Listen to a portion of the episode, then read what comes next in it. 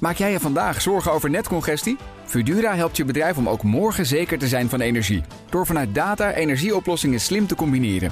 Zo installeren we bijvoorbeeld een batterij om je extra opgewekte zonne-energie niet verloren te laten gaan. Kun jij onbezorgd verder met vandaag? Kijk op Fudura.nl. Fudura, de verandering voor. De column van Paul Lasseur. Amsterdam dreigt achter het net te vissen in de jacht op bedrijven uit de city, die na de brexit uit Londen wegtrekken.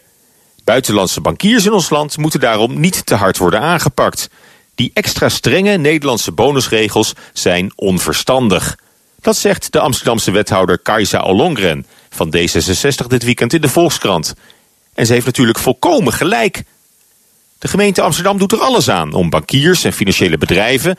die straks door de brexit uit Londen worden verdreven... naar onze hoofdstad te lokken. Ter verrijking van de economie en een impuls voor de Amsterdamse werkgelegenheid. Dan is het toch jammer dat de regering in Den Haag... die brexit-vluchtelingen net zo hard weer wegjaagt. Want minister Dijsselbloem van Financiën blijft driftig bankiers bashen... door vast te houden aan een bonusplafond van maximaal 20% van het salaris... Nergens in Europa is na de crisis zo hard ingegrepen in de bankiersbeloningen als bij ons. En zelfs al gelden die bonusregels strikt genomen alleen voor Nederlandse banken, het is niet direct een warme aanbeveling van ons gure polderlandschap als nieuwe vestigingsplaats voor bankiers uit de city. Voor banken die zich niet laten afschrikken door het strenge beloningsbeleid, heeft Jeroen Dijsselbloem nog wat anders in petto. Een verhoging van de vennootschapsbelasting naar 25 procent. Daar word je ook al niet per se aantrekkelijker van als vestigingsland. De wethouder van Amsterdam stak intussen al drie keer de Noordzee over om discreet te lobbyen in de city. Om nog maar eens uit te leggen dat die hinderlijke bonusregels makkelijk te omzeilen zijn voor buitenlandse banken. Maar het is vergeefse moeite.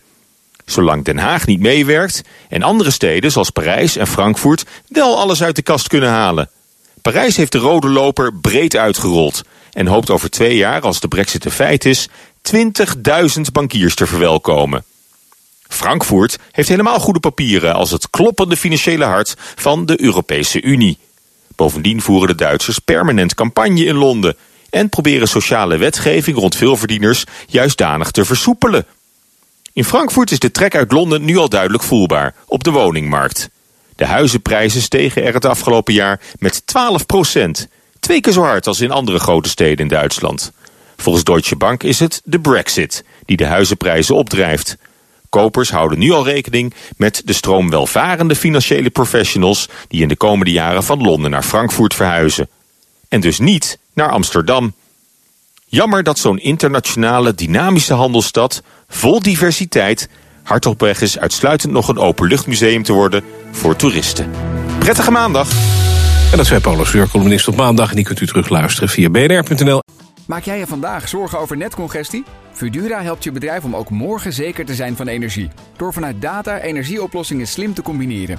Zo installeren we bijvoorbeeld een batterij om je extra opgewekte zonne-energie niet verloren te laten gaan. Kun jij onbezorgd verder met vandaag? Kijk op Fudura.nl. Fudura, de verandering voor.